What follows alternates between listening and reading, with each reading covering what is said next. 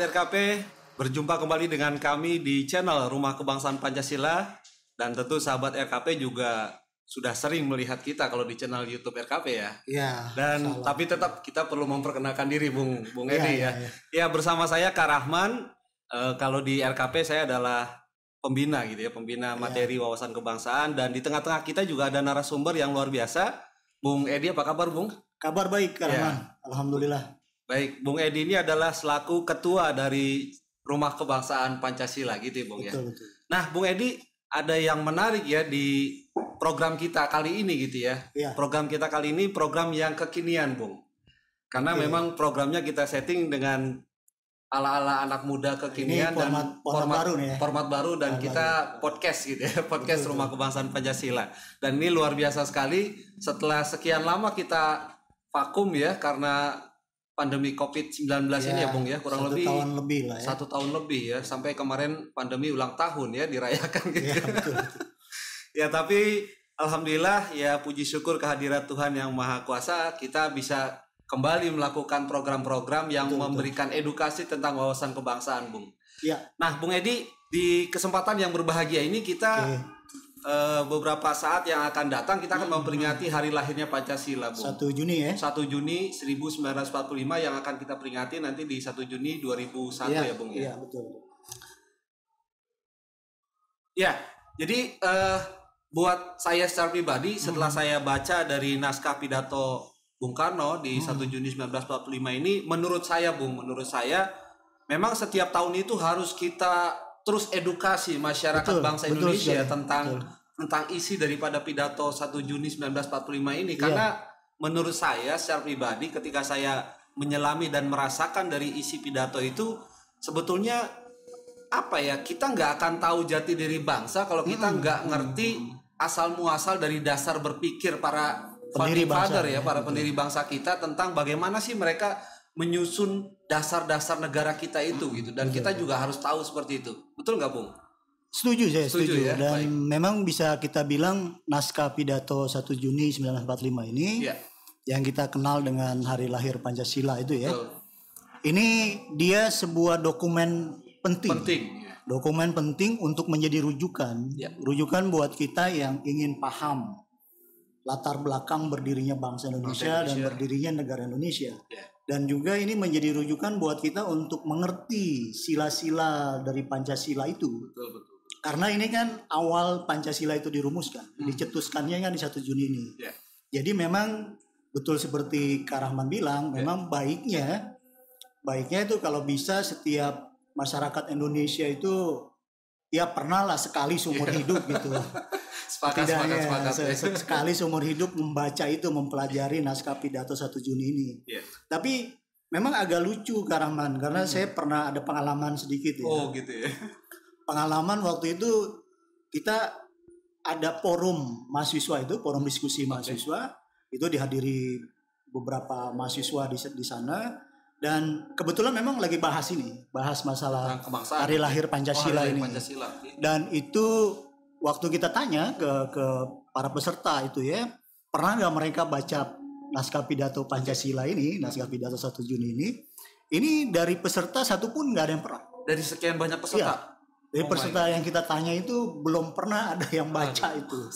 Itu kan menjadi Iya, apa? iya, iya, menjadi lucu ya, Iya. menjadi ironi juga. Padahal ini satu dokumen penting. betul Jadi kalau bisa malah kerennya itu setiap 1 Juni kita menyempatkan diri untuk mengulang baca Iya, lagi. betul. Nanti 1 Juni kita baca lagi. Jadi kita betul-betul paham gitu, jati diri bangsa seperti Pak Rahman bilang tadi. Sepakat Bung. Jadi untuk itulah kita dari Rumah Kebangsaan Pancasila berusaha untuk kembali gitu ya, merefresh atau betul. setidaknya mengingatkan gitu ya. Mengingatkan, mengingatkan tentang betapa pentingnya eh, pidato 1 Juni 1945 Betul. ini. Iya, itu kan peristiwa sangat penting ya buat Iya. bangsa ya. Baik.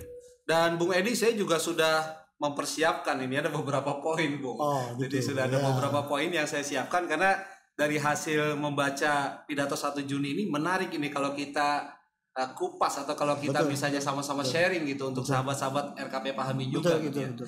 Nah, ada ada juga di dalam pidato atau di dalam pernyataan gitu ya dari Bung Yamin gitu ya, di Hmm. dalam bukunya Bung Yamin seolah-olah gitu, seolah-olah merasa bahwa konsep eh, Pancasila itu adalah konsep yang dibuat oleh Bung Yamin. Bagaimana pendapat Bung Edi akan hal itu? Iya, eh, memang ini termasuk salah satu kesalahpahaman ya, Oke. kesalahpahaman yang memang perlu diluruskan sih Hmm. menurut saya. Ya, ya. Perlu diluruskan karena memang sampai hari ini kalau kita lihat ya, kalau kita lihat di internet juga Ah. begitu, itu masih ada pendapat-pendapat yang me- me- menyatakan bahwa Hmm.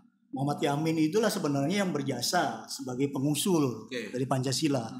Ini sebenarnya bermula dari buku yang ditulis Muhammad Yamin itu judulnya persiapan naskah. Undang-Undang Dasar 1945 dan di situ ada pidato Muhammad Yamin yang dimuat di situ. Oke. Eh, bahkan dari di situ sebenarnya Bung Hatta kan se- ikut pidato juga ya Iya. sebelum Sebelum, sebelum 1 Juni ya? itu sebenarnya Bung Hatta ikut pidato. Bahkan pidato Bung Hatta nggak dimuat di situ. Jadi dimuat itu pi- pidato Muhammad Yamin, termasuk ada pidatonya Sukomo ya di situ ya. Nah di situlah Muhammad Yamin bisa dibilang mengklaim, Hmm. mengklaim kalau dirinya itu berjasa sebagai iya. pengusul dari Pancasila.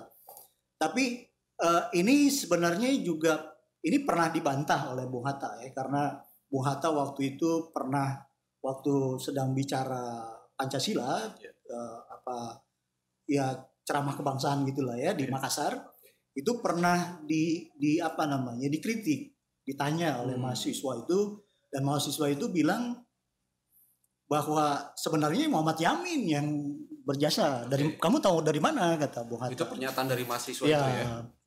kamu tahu dari mana kata Bung Hatta Bung Hatta eh, si mahasiswa itu bilang dari bukunya Yamin Hmm. dan Bung Hatta bilang itu buku itu salah besar Oke. malah di di surat wasiat Bung Hatta itu Bung Hatta pernah menyatakan dengan tegas bahwa satu-satunya ya satu-satunya yang eh, dengan tegas menyampaikan dasar bagi Indonesia merdeka itu Ya. itu ya Bung Karno itu karena kan Bung Hatta hadir di situ Ya. pasti Bung Hatta ingat dong kalau Muhammad Yamin itu Betul. menyampaikan pidato jadi sebenarnya peristiwa sebenarnya ya kenapa pidato itu ada di bukunya Muhammad Yamin itu kan setelah 1 Juni itu kan dibentuk panitia 9 Mm-mm. Panitia 9 nah eh, di panitia 9 ini ada Muhammad Yamin juga ada Bung Karno Ya. juga di situ ada Bung Hatta Kata kemudian ya, ada Musalim. ya Wahid Hasim ya Wahid terus ada ya. eh, dan lain tokoh-tokoh lain lah ada ada sembilan tokoh di situ dan sebenarnya di situlah Muhammad Yamin dapat tugas Oh, oke. dapat tugas dari eh, panitia 9 itu untuk menyusun preambul Hmm. Menyusun preambul dan itu di di, di karang panjang sama Muhammad Yamin. Makanya di itu yang akhirnya seolah-olah itu menjadi pidatonya Muhammad Yamin di tanggal 29 Mei. 9 Mei. yang dimuat di dalam bukunya itu. Makanya jadi kayak mirip sama pidatonya Bung Karno. Ya. nah eh, problemnya kan Muhammad Yamin dia pidato tanggal 29 Bung Karno 1 Juni. Jadi seolah-olah terkesan Muhammad Yamin itulah Lebih sebenarnya. awal ya, ya, ya, yang yang berjasa mengusulkan Pancasila Baik. seperti itu sih Kak Rahman kalau Baik, baik, Bung. Luar biasa. Nah, dari eh, buku yang saya baca juga, Bung, dari Iya. pidato itu juga, juga ini ada hal menarik juga yang perlu saya tanyakan ke Bung Edi. iya Jadi ada tokoh-tokoh yang hadir memang pada saat itu yang tadi Bung Iya, sudah banyak, sampaikan. Jadi memang sebelum Bung Karno ini berpidato 1 Juni kan sebelumnya sudah berpidato tuh. Artinya dari tanggal 29 ini sudah ada beberapa tokoh lah ya yang berpidato. Nah, yang saya baca dari pidato Bung Karno ini seolah-olah beberapa tokoh yang berpidato lebih awal ini Mm, mm, mm. tidak sesuai atau tidak seperti yang diharapkan. Betul nggak sih Bung seperti itu? iya Bahwa harus membentuk sebuah dasar daripada negara Indonesia merdeka ini. Betul nggak Bung seperti itu? Eh, betul betul memang itu malah di awal-awal pidato Bung Iya. Karno langsung bahas itu ya Iya. langsung bahas itu karena Bung Karno kan pidato di hari keempat Iya. eh, tanggal 1 Juni. Jadi sebelum Bung Karno itu udah banyak yang pidato. Dan Bung Karno sampaikan bahwa dari anggota-anggota yang sudah pidato, Iya. anggota-anggota BPUPKI atau kalau dalam bahasa Jepang itu Dokuritsu Jonbi Tiyosaka itu ya. Itu memang tidak ada yang mengutarakan apa yang dimaksud oleh ketua BPUPK itu. Kan yang diinginkan oleh ketua BPUPK itu adalah eh, apa kalau dalam istilah Bung Karno dalam bahasa Belanda itu filosofisi grondslag. Translate. Itu kan satu fundamen atau satu dasar filosofis eh, bagi Indonesia merdeka. Oke. Nah itu jadi kita bisa bisa paham itu dari dari pidato itu eh, sebelumnya itu tidak ada dan Hmm. itu juga kan memperkuat tadi itu memperkuat bahwa kalau kalau Muhammad Yamin Iya, memang betul. sebenarnya sudah berpidato tentang dasar-dasar Pancasila Iya. seperti yang dimuat di bukunya itu Tentu Bung Karno nggak berkata seperti itu ya, ya. ya harusnya Bung Karno nggak ngomong gitu loh Iya, gitu ya betul. harusnya kan gitu Iya, iya. ya jadi itu juga memperkuat itu jadi memang memang memang ada ada seperti itu ya Ya. di di, di uh, apa namanya uh, di dalam peristiwa 1 Juni ini Nah inilah pentingnya sahabat RKP kita Iya. memahami tentang pidato 1 Juni ya. ya Biar betul. kita itu tidak salah salah paham Tidak terhadap berita-berita yang simpang siur beredar gitu ya Bung Edi ya. betul betul Baik. Nah ada poin yang ketiga yang saya ingin tanyakan Hmm. ke Bung Edi nih. oke Eh, di situ juga para pendiri bangsa pada saat itu yang saya baca juga seolah-olah mereka itu kayak gentar untuk mendirikan negara Indonesia merdeka ini. Jadi kayak ada perasaan takut. Mm, mm, mm. Bahkan sampai kalimatnya Bung Karno di dalam pidato itu samiun aja gitu. Kalau bicara persiapan untuk menikah itu Oh, iya, cukup iya, dengan iya. punya tikar aja, punya ya punya periuk cukup satu aja udah bisa dilaksanakan gitu ya. Ya. Tapi kan seolah-olah Bung Karno sampai menganalogikan itu untuk merdeka itu kita perlu semuanya itu harus disusun Harus, secara rapi ya. gitu ya. Karena Harus memang sempurna harus dulu. sempurna gitu. Karena kita tahu juga sih memang artinya penderitaan bangsa Indonesia ini kan 350 tahun lebih lah kita ya. dijajah tentu bicara tentang pendidikan kualitas pendidikan masih banyak orang-orang yang buta buta huruf belum lagi dari sisi Kesehatan, gitu ya. ya, masih banyak eh, saudara-saudara kita pada saat itu hidupnya masih serba kekurangan gitu. Betul betul. Jadi ada seolah-olah perasaan takut untuk merdeka. Nah ini gimana bung kira-kira bung? Iya itulah jadi eh, lucunya ya, Ya. lucunya. Karena kan ini sebenarnya kemerdekaan itu kan sesuatu yang sudah kita rindukan lama. betul Bahkan ide untuk merdeka itu itu sudah sudah dicetuskan dari zamannya Hoso Krominoto. Itu awal-awal abad 20 kan. 20 ya Ya itu dari zamannya Cokro itu udah udah udah di ide itu sudah ada. Ya. Dan kita tahu di manifest 1925 itu manifesto, Manifesto politik, politik, 1925 itu kan tegas menginginkan Indonesia merdeka. Ya. Menginginkan Indonesia itu punya pemerintahan sendiri.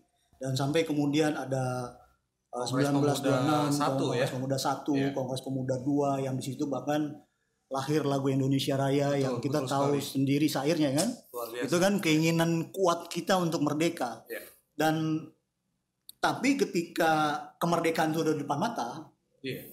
kita udah di depan pintu gerbang kemerdekaan BPUPK ini kan bisa dibilang pintu gerbang, pintu gerbang kemerdekaan. kemerdekaan ya tapi lucunya banyak tokoh-tokoh yang gentar yang yang gentar dan bahkan Bung Karno bilang itu eh, kita sebenarnya keinginan kita tuh sangat kuat bahkan di tahun 1932 1932 itu kita tuh sudah melahirkan satu semboyan Iya. satu semboyan semacam yel-yel gitu bahwa Indonesia merdeka merdeka sekarang sekarang. sekarang sekarang Ya, sampai tiga gitu. kali bung ya Ya itu kan udah 1932 32. artinya keinginan merdeka itu kuat. Tapi kemudian ada ada gentar hati itu seperti Kak Rahman bilang uh, memang dari para tokoh itu kayak menghendaki ini um, uh, apa namanya kita selesaikan dulu karena memang tanggung jawab ketika kita merdeka kita ngurus bangsa kita sendiri kita mengurus negara kita sendiri itu kan satu tanggung jawab besar, Ya, besar. satu pekerjaan besar. Betul. Kalau sebelumnya kan pemerintahannya pemerintahan asing, Iya. bukan kita yang ngurus, Iya. kita cuma ngikutin gitu. betul Cuma kan kita menderita. Iya. Nah kalau kita mengurus sendiri itu kan memang satu tanggung jawab yang besar. Yang itu yang membuat beberapa tokoh memang tadi menjadi gentar dan ya pinginnya dirapin dulu Iya, itu iya. apa buta huruf disehatkan dulu. Nah makanya kalau Bung Karno bilang ya ini 20 tahun lagi baru merdeka ini. Bahkan ada yang ada yang punya punya punya punya pendapat Iya. gitu bahwa kalau kita mau merdeka itu rakyat Indonesia itu harus dimerdekakan dulu jiwanya Iya. Yang sampai-sampai Bung Karno bilang wah ini sampai kiamat juga kita Iya, nggak merdeka pernah merdeka. ya, sampai kiamat juga merdeka Iya. makanya Bung Karno bilang kan kemerdekaan ini sebenarnya politik independen ya. jadi uh, dan dalam istilah Bung Karno itu diistilahkan dengan jembatan emas jadi kita yang penting merdeka dulu aja betul Nanti kalau kita udah merdeka, kita sudah punya eh, apa namanya kebebasan secara politik untuk mengurus bangsa dan negara kita sendiri, baru di situ kita rapikan. Baru kita mengisi Jadi kemerdekaan ya, Bung, ya. betul. Iya. Yang penting kita harus pindah dulu itu Betul. dari alam penjajahan ke Alam alam kemerdekaan. alam kemerdekaan itu. Eh, dia seperti itu sih. Iya. Eh, tapi kalau kita lihat pidatonya tadi ya, pidato Bung Karno dan Bung Karno sangat berhasil, Untuk meyakinkan. sangat berhasil untuk Jadi saya saya jadi teringat dengan tulisan Bung Karno yang bahkan dia kan memberikan contoh negara-negara lain ya, gitu ya. betul, ada Sampai di di mana di Saudi Arabia atau yang Saudi- Ibnu Saud itu gitu Arabia. ya. Ada masyarakatnya yang terbelakang gitu ya, yang buta huruf, yang terbelakang sampai otomobil itu dikasih makan gandum gitu. ya. Iya betul. Mereka belum tahu mobil Belum gitu. tahu mobil artinya Dikirain mobil itu hewan atau Betul. apa gitu. Artinya kan itu juga cukup kuat untuk meyakinkan bahwa Ya. bahkan ada kok negara lain atau bangsa lain yang sebetulnya masyarakatnya juga sama Tapi berani huruf, merdeka. Tapi berani merdeka. Makanya kan mendapatkan gelar eh, apa? Negara julukan itu seribu satu malam gitu ya. Artinya yang Hmm. dengan memerdekanya itu cukup hitungan beberapa jam lah gitu atau beberapa hari gitu ya. dalam satu malam. Dalam satu malam kan gitu ada Iya. istilahnya kan seperti itu. Bu. Iya. Iya Bung Karno juga kasih contoh Soviet. ya. Soviet, betul. Soviet juga waktu itu 80 persen. Iya. Jadi 80 persen penduduk itu masih buta Masih huruf. buta huruf. Ya jadi nggak usah takut-takut lah gitu. Iya. Karena sebenarnya syarat dari hukum internasional ya, hukum internasional itu untuk merdeka itu sederhana. Iya. Yang penting ada rakyat, Iya. bumi, pemerintah. Jadi ini ada kita punya rakyatnya ada, buminya ada atau tanah airnya ya, terus pemerintahannya kita ada. Kemudian diakui Sama Oleh- negara lain. satu negara lain yang memang merdeka, Ya. yang memang berdaulat. Udah selesai sebenarnya kan Betul. Sederhana sekali. secara hukum internasional Ya. nggak ribet-ribet merdeka itu. Ya dan Bung Karno sih bisa dibilang sangat sukses di situ.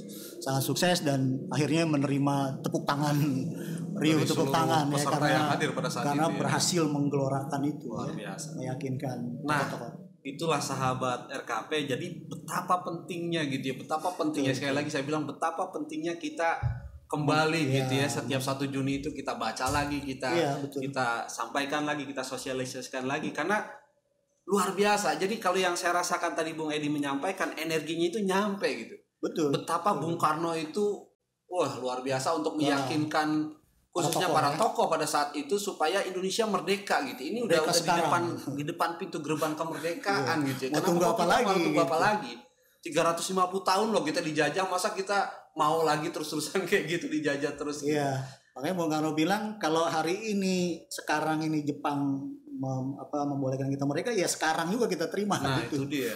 Baik, baik. Nah, menarik, Bung. Ya. Eh, selanjutnya nih, Bung, ada poin keempat yang saya ingin tanyakan juga. Artinya kan dari pidato itu juga Bung Karno meyakinkan selain tadi sudah berhasil Iya, iya, meyakinkan oke. untuk merdeka dan konsep kemerdekaan yang diusung oleh bangsa Indonesia pada saat itu maksudnya Bung Karno yang di- ditawarkan itu kan sebetulnya sebuah kemerdekaan yang bukan hanya cuma untuk satu golongan saja. Benar, benar. Kalau dari isi benar, pidatonya betul, kan gitu. Betul, betul, betul. Bukan hanya untuk mohon maaf misalnya golongan Islam saja. Islam saja atau golongan dari sisi sukunya misalnya Suku- suku, Jawa saja, saja. Sunda saja tidak, tapi konsep kemerdekaan yang ditawarkan ini adalah kemerdekaan semua untuk semua, betul? Benar.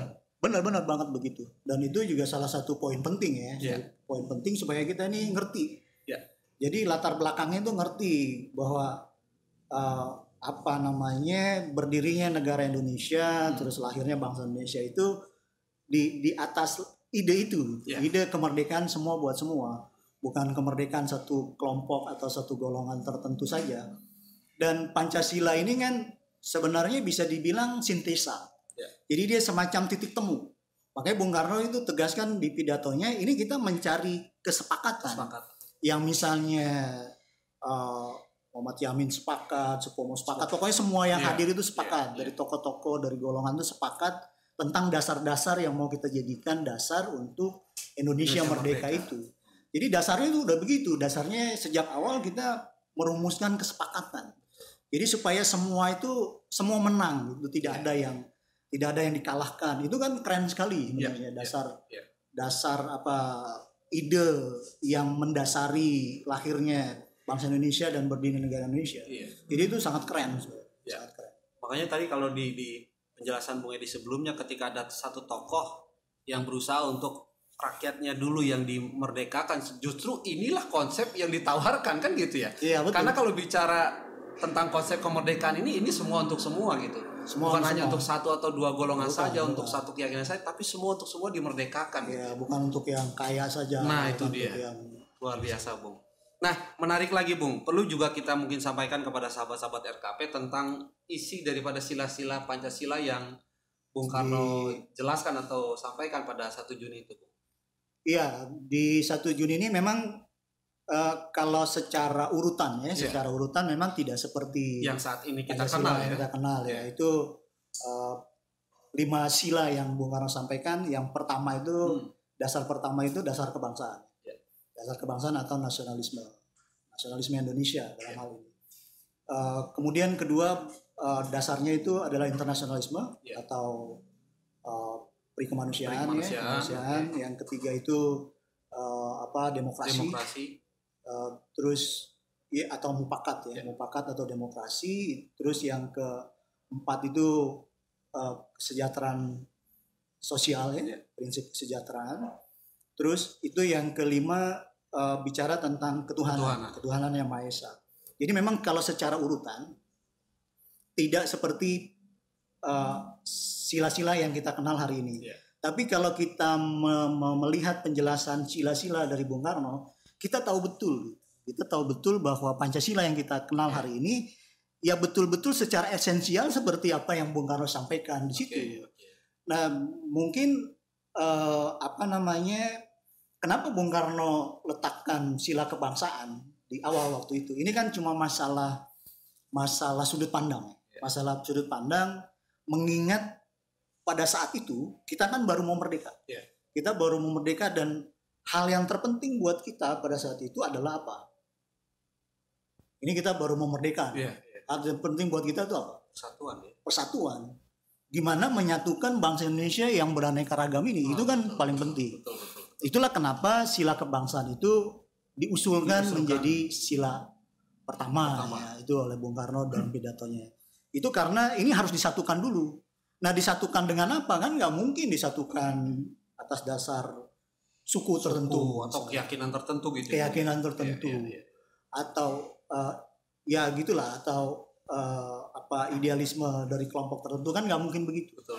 Yang paling memungkinkan untuk menyatukan kita dari Sumatera sampai Papua itu dengan beragam suku yang banyak itu ya kebangsaan, Ya. kebangsaan Indonesia. Bangsa Indonesia. Jadi itulah itulah kenapa sila kebangsaan diusulkan Bung Karno pertama Ya, karena ya, ya. Eh, kalau kita melihat dari sudut pandang situasi hari itu, itu yang paling penting saat itu adalah bagaimana menyatukan masyarakat Indonesia atau rakyat Indonesia yang beraneka ragam. sepakat ya. Iya. Terus yang kedua ini eh, bicara perikemanusiaan ya atau internasionalisme. Memang memang masalah kebangsaan kita ini bukan bukan kebangsaan sempit kalau Bung Karno jelaskan. Dan kita juga tidak tidak maksudkan itu dia apa ya? Kan bahayanya kebangsaan ini kalau ditarik jadi apa ya Merasa kayak eksklusif gitu ya. Iya eksklusif, Chauvinisme chauvinisme, gitu ya, ya. chauvinisme. Iya. Jadi kayak semacam kebanggaan yang berlebihan Iya. terhadap bangsa kita dan akhirnya kita kita apa bangga dan cinta sama bangsa kita sendiri, tapi kita merendahkan bangsa lain. Kan kan nggak nggak nggak seperti itu yang dimaksud Iya. Bung Karno. Jadi nggak bukan kebangsaan sempit, tapi ini sebenarnya satu konsep kebangsaan yang ujungnya itu adalah persaudaraan bangsa-bangsa atau persaudaraan umat manusia. Umat manusia. Jadi uh, itulah kenapa sila perikemanusiaan itu ada di Kemanusiaan, ya. situ. Hmm. Dan ini dua hal yang nggak bisa dipisahkan antara nasionalisme dan Internasional. internasionalisme. Makanya Bung Karno bilang itu uh, apa internasionalisme itu nggak bisa tumbuh subur kalau tidak mengakar di Di buminya. buminya nasionalisme. Buminya nasionalisme. Nasionalisme juga begitu. Dia nggak bisa tumbuh subur kalau dia tidak tumbuh, Di tidak hidup di sarinya. dalam taman sarinya internasionalisme. Ya. Jadi kan dia nggak bisa dipisahkan. Ya. Kita bicara kebangsaan tuh untuk di dalam bahwa kita itu bersatu di atas dasar kebangsaan. Ya. Makanya negara kita itu negara kebangsaan, bukan negara agama, Ya. bukan negara lain-lain ya, Ya, tapi ya. negara negara yang eh, dasarnya itu adalah kebangsaan. Nah itu itu tentang eh, perikemanusiaan atau internasionalisme ya. Kemudian yang ketiga ini eh, apa demokrasi. ya Demokrasi. ya prinsip demokrasi atau prinsip mufakat. Jadi ini ini sebenarnya kerennya bangsa Indonesia itu. Jadi kita itu didasari pada kemupakatan. Jadi di sinilah nanti kan dibentuk dewan perwakilan, Perwakilan ya. eh, perwakilan dari setiap-tiap golongan, dari golongan, setiap iya. rakyat Indonesia. Dan seperti apa yang dijelaskan tadi bahwa kan konsep ide dasarnya adalah kemerdekaan semua buat semua. Iya. Jadi semua golongan itu apa ya namanya? Istilahnya punya hak yang sama. Jadi setiap rakyat Indonesia itu punya hak politik yang setara Ya, gitu untuk ya. menyampaikan pendapatnya di situ. Jadi cuma dia harus mupakat. Hmm. Nggak bisa ada satu golongan yang misalnya oh, apa memaksakan pendapatnya, memaksakan Iya, idenya iya. kan nggak bisa begitu. Betul, betul. Jadi kita kita dari golongan-golongan itu ya kita berdiskusi musyawarah.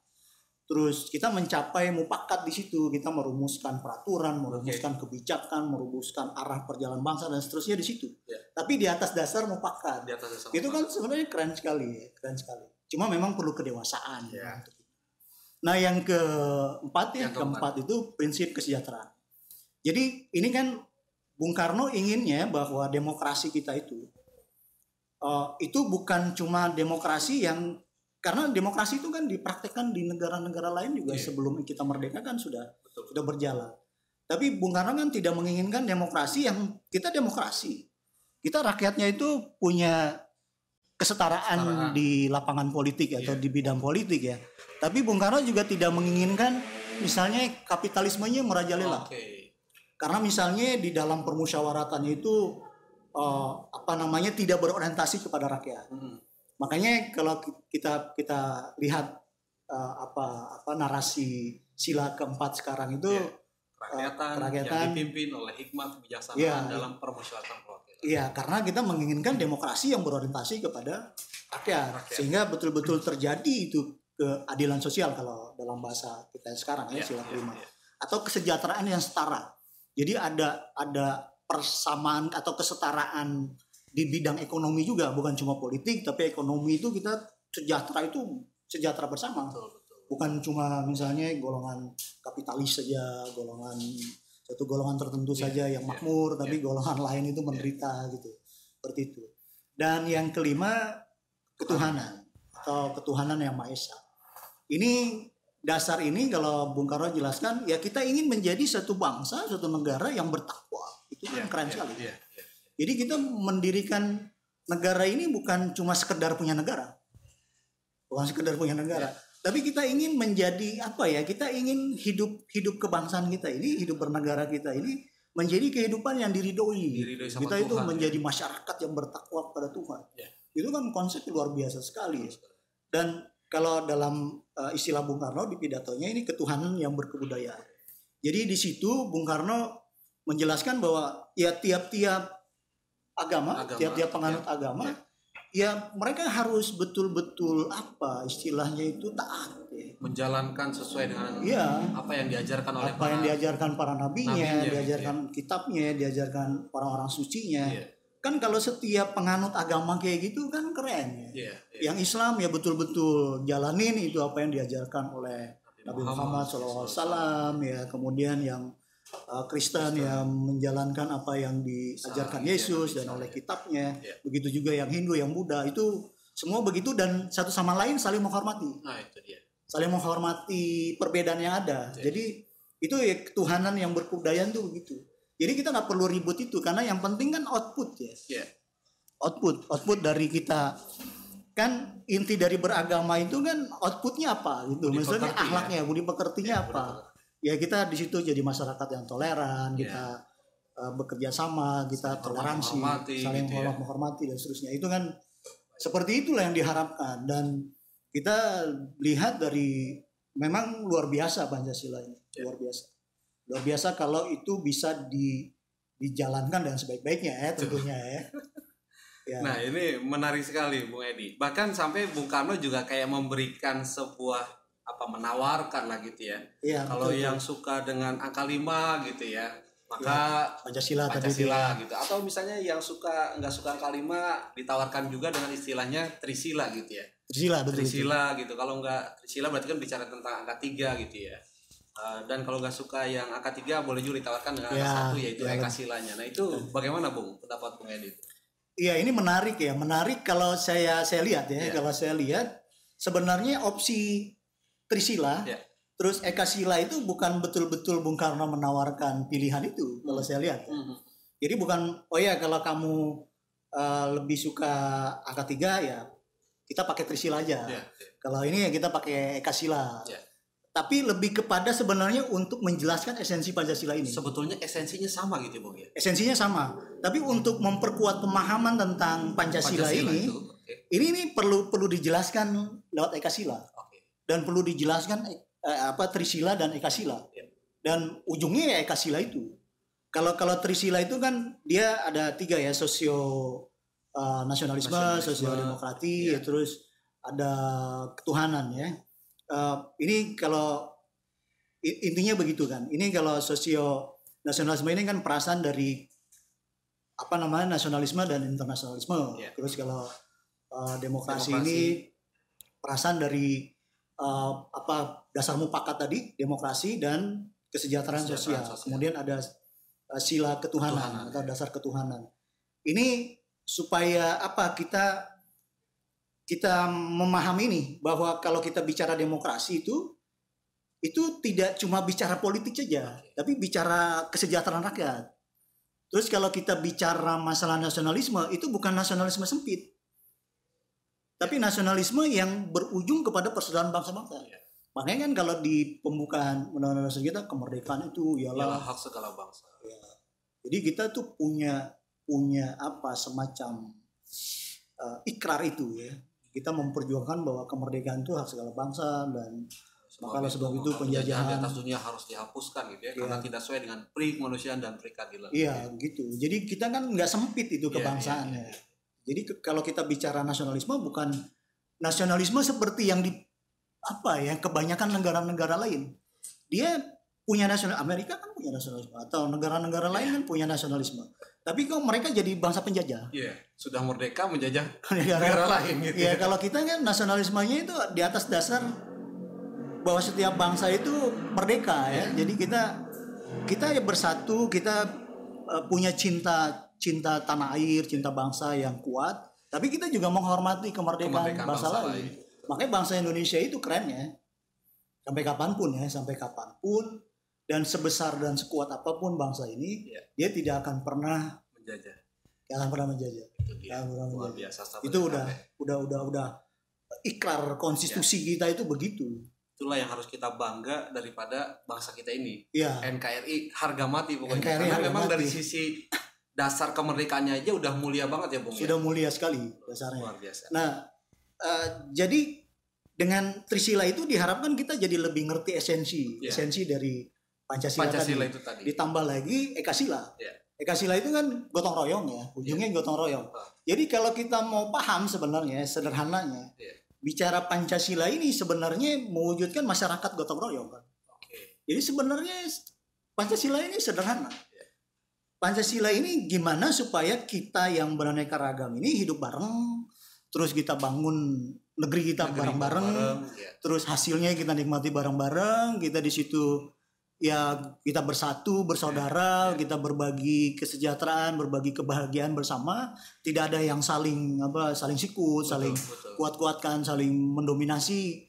Konsepnya begitu, gotong royong Iya, iya. kan kan dengan dengan keberadaan Pancasila terus Trisila terus Ekasila kan kita jadi lebih ngeh ya Iya. jadi lebih ngerti jadi memang kalau saya lihat ini bukan opsi Bukan opsi. bukan ya. opsi oh ya oke boleh pilih Trisila Iya, bukan pilih tapi ini untuk memperkuat saja Memperkuat gitu. jadi supaya kita paham yang lima sila ini dijelaskan juga lewat Nah, Trisila dan lewat Ekasila itu itulah tadi sahabat RKP. Kenapa saya bilang betapa pentingnya gitu ya Penting kita ya, harus betul. memahami ini karena karena mohon maaf Bung saya juga kan juga sering sharing-sharing sama teman-teman di luar Iya, sana. iya, Jadi memang itu tadi seolah-olah gitu, seolah-olah Hmm. yang Bung Sa- eh, Bung Edi tadi sampaikan itu seolah-olah Bung Karno menaruhkan sebuah opsi padahal kan kalau Hmm. penjabaran dari Bung Edi justru ini untuk memperkuat Untuk memperkuat. menekankan bahwa isi dari Panca- Pancasila itu sendiri kan gitu. esensinya itu esensinya itu kan gitu. Cuma kan di luar sana, mohon maaf gitu ya, lagi-lagi banyak yang salah oh paham. ya pernah juga ada ribut-ribut itu ya Ya, waktu itu dia. BPIP itu ya itu kan kesalahpahaman Nah, itu dia. kalau nggak seperti ini tentu kita juga nggak tercerdaskan gitu maksudnya dengan wawasan kebangsaan Tuh, kita itulah kenapa ya setidaknya bacalah gitu. ya baik Atau di channel RKP itu ada replika pidato Bung Karno. pidato ya. Bung Karno ya Itu lengkap itu di eh, Pak Rahman kalau nggak salah. Ya, Pak Rahman yang mengisi suara di situ Iya. Dan itu memudahkan sekali tuh. Ya. Memudahkan sekali. Jadi kalau kita males baca karena itu cukup panjang juga Ya. pidatonya. cukup didengerin aja Ya dengerin aja, bisa pasang headset sambil tidur gitu ya. Bisa dengerin itu. Dan itu kan bisa berkali-kali. lama-lama ketiduran Bung Oke Bung Edi dan terakhir Bung ini poin yang terakhir yang ditutup juga di di dalam pidatonya Bung Karno itu bahwasanya setelah beliau berpidato itu ada ajakan untuk merealitetkan Pancasila. Nah, ini Ya, menarik betul, juga betul, Bung ya. betul. Artinya Bung Karno setelah panjang lebar tadi berusaha untuk meyakinkan para tokoh yang lain gitu ya, menjabarkan daripada isi dari Pancasila itu dan lain sebagainya.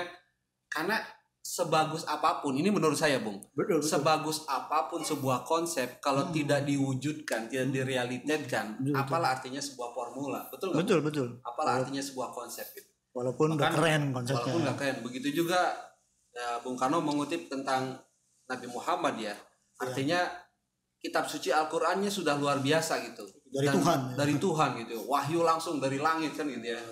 Dan diutuslah Rasulullah gitu ya untuk mewujudkan, untuk merealitetkan isi daripada Al-Qur'an itu sendiri kan Ya, gitu ya. kalau nggak diperjuangkan kan nggak terwujud Nggak, ya. nggak akan pernah terwujud. Betul sekali itu karena Nah, betul sekali. baik. Apa namanya? Nah itulah tugas kita. Ya. Ya. Jadi kita sudah dikasih formula keren, dikasih satu dasar-dasar bernegara yang keren. Ya. Ya tinggal kita memperjuangkan itu. Kan Pancasila itu kalau uh, dengan dengan apa namanya urutan seperti yang kita paham sekarang Paham ya. sekarang ya. Ini kan sederhana gitu untuk Iya. memahami. Tujuan akhirnya itu apa? Kesejahteraan sosial. Iya, kita kan ingin terciptanya kesejahteraan sosial, keadilan sosial bagi seluruh rakyat Indonesia. Kita ingin sejahtera. Cuma kalau mau sejahtera, apa yang kita harus wujudkan? Ya harus kerakyatan terlebih dahulu gitu. Iya, itu kita harus mewujudkan satu pemerintahan yang betul-betul kerakyatan.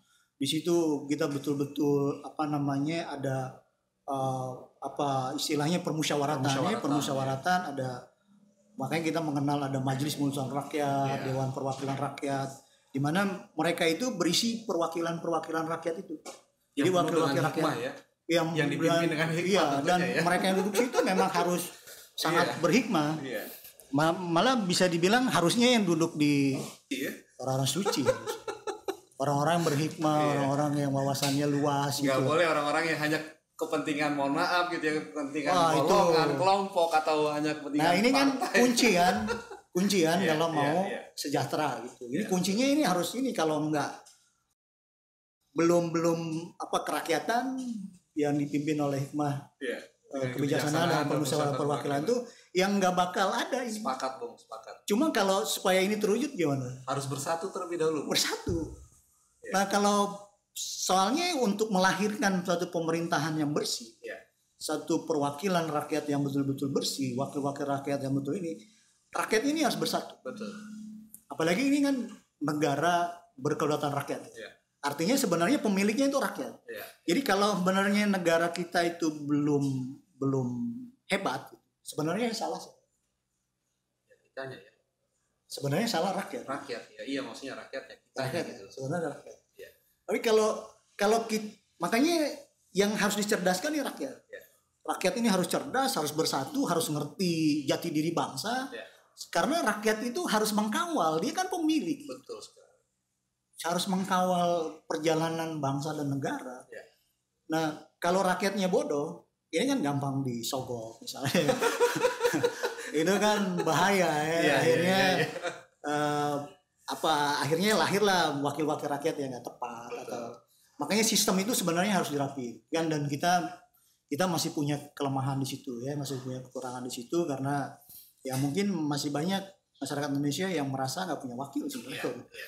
Sebenarnya wakil saya siapa gitu ya itu kan juga ada kayak gitu baik nah untuk supaya persatuan ini terjadi harus berperi kemanusiaan ya Iya, itu mendasarkan itu pada uh, kemanusiaan yang adil berada. Kemanusiaan. Kita harus harus berdiri di, di situ. Jadi kita uh, harus berdiri di atas dasar fitrah kita, Fitrah, ya. fitrah manusia kita, kemanusiaan kita itu yang sebenarnya sama. Kita semua kan manusia ingin Iya. diperlakukan adil, ya Adil, satu sama lain. iya. Jadi prinsipnya kemanusiaan itu kan kalau kita nggak suka diperlakukan buruk sama orang ya jangan, Jangan perlakukan perlakukan orang lain seperti itu. ya. Iya, jadi perlakukan orang lain sebagaimana kita ingin diperlakukan kan gitu. Nah, kalau kita bisa berperilaku seperti itu, bisa itu persatuan. Ya. Nah, cuma ini dia harus didasari juga oleh Tuhanan ya. Bang. ketuhanan supaya bukan cuma istilahnya itu kita berbuat baiknya itu bukan cuma apa ya. Tapi ini ada koneksi. Ya. Koneksi karena karena Tuhan menginginkan kita hidup baik-baik. baik. Kita Tuhan menginginkan kita. Nah, itulah kenapa pentingnya tadi kita mentaat taat kepada ajaran agama kita masing-masing. Dan sebenarnya itu kan ajaran tiap-tiap agama kalau kita kaji ini kan luhur ya sebenarnya. Esensinya semuanya sama ya. Bu? Sama, Mengajarkan tentang kebaikan, kasih sayang. kasih sayang, itu perdamaian. fitrah sebetulnya ya. Fitrah sekali. Luar biasa. Nah, itulah gitu. Ya, baik Bung Edi. Wah, sahabat RKP luar biasa. Apa Ya. yang tadi sudah disampaikan oleh Bung Edi mudah-mudahan menambah wawasan Iya, tentang mudah-mudahan. kebangsaan kita dan mudah-mudahan juga sahabat RKP terus gitu ya memahami tentang sejarah bangsanya karena buat saya secara pribadi sebagai generasi penerus kalau kita nggak memahami sejarah dengan baik maka kita nggak akan kenal siapa kita. Betul, betul. Artinya kita nggak kenal jati diri kita. Kalau kita nggak kenal jati diri kita, kita juga nggak tahu, Bung. Tahu kita mau ke mana kan gitu ya. Ke mana, Apa yang mau kita lakukan ya. Betul. Artinya kayak kita mau menuju suatu tempat tapi kita nggak tahu tujuannya. Kita hanya jalan di tempat dan kita habis menghabiskan waktu, tenaga, Iya, pikiran betul, betul. gitu kan. Betul, betul. Hanya cuma jalan di tempat begitu-gitu terus. Iya, dan betul, itulah juga pesan para pendiri bangsa jas merah, Bu. Jas merah. Jangan sekali-kali melupakan Lupakan sejarah gitu. Karena bangsa Indonesia ini bangsa yang luar biasa gitu ya. Luar biasa. Artinya sangat wah kalau saya mau kaji Sangat dari luhur, sisi religi gitu ya. Apalagi kita punya di channel Rumah Kebangsaan Pancasila kita punya program outbound Napaktilas, Ya, religi ya, dan ya. kebangsaan ini perlu kita sampaikan juga, Bung. Betul, Artinya kaitan bahwa nilai-nilai kebangsaan kita ini kalau mau dikaji dari sisi religi. religi itu sangat luar biasa seperti dua sisi satu mata koin yang tidak bisa dipisahkan. Sangat matching ya. Sangat matching sekali. Sinkron. Nah itu sahabat RKP nanti juga jangan lupa pantengin terus channel YouTube atau channel Rumah Kebangsaan Pancasila dan tentu banyak program-program baru perlu kita sosialisasikan Insya Allah juga. kita ini, Selain di RKP punya program podcast, nanti juga di RKP juga kita akan melakukan sebuah sosial eksperimen. Wah ini menarik nih Bung. Menarik. Kita mau tanya nih sama masyarakat yang ada di sekitar kita, Hmm. bahkan mungkin bisa juga nanti ke kita turun ke lapangan kita tanya tentang seputar wawasan kebangsaan. Sebenarnya Iya. mereka enggak nggak sih dengan dengan sejarah bangsanya kan gitu ya Bung. betul, betul, betul. Jangan sampai nanti mohon maaf lagi-lagi dasar negara kita yang luhur yang mulia ini tidak dianggap penting gitu ya. Dan juga nanti di channel Rumah Kebangsaan Pancasila kita punya program lagi Mm. selain tadi sosial eksperimen kita juga punya musik kebangsaan gitu ya. Ini juga Ya, tentu akan betul. dibawakan oleh anak-anak muda yang keren-keren, yang ganteng-ganteng, yang memang mereka ini jiwanya jiwa seni, Bung. Ya, Jadi bagaimana kita mengcover lagu-lagu kebangsaan, kebangsaan ya, ala-ala kekinian. Ada yang pakai hip hop, ada yang pakai jazz atau yang apa yang pakai apa? Wah, saya nanti nggak Ya, penasaran nanti nih kita tunggu apa ya. lah gitu kita ya. tunggu seperti Baik, apa. sahabat RKP di mana pun berada, mudah-mudahan program kita saat ini bisa memberikan edukasi, memberikan wawasan, Ya, memberikan apa ya sebuah pemahaman ya Bung ya tentang jati diri kita sebagai sebuah bangsa dan saya kutip tadi kata Bung Edi bahwa rakyatnya harus cerdas betul. jangan sampai dibodoh-bodohin terus. Mau nggak dibodoh-bodohin terus gitu ya. Oke, mudah-mudahan channel RKP selalu mencerdaskan, Bung. Mencerdaskan Ya, amin, dan amin. mengedukasi supaya kita menjadi rakyat yang cerdas dan kita nggak mau dibodoh-bodohin oleh, mohon maaf gitu ya, orang-orang yang tidak memiliki hati nurani. Ya.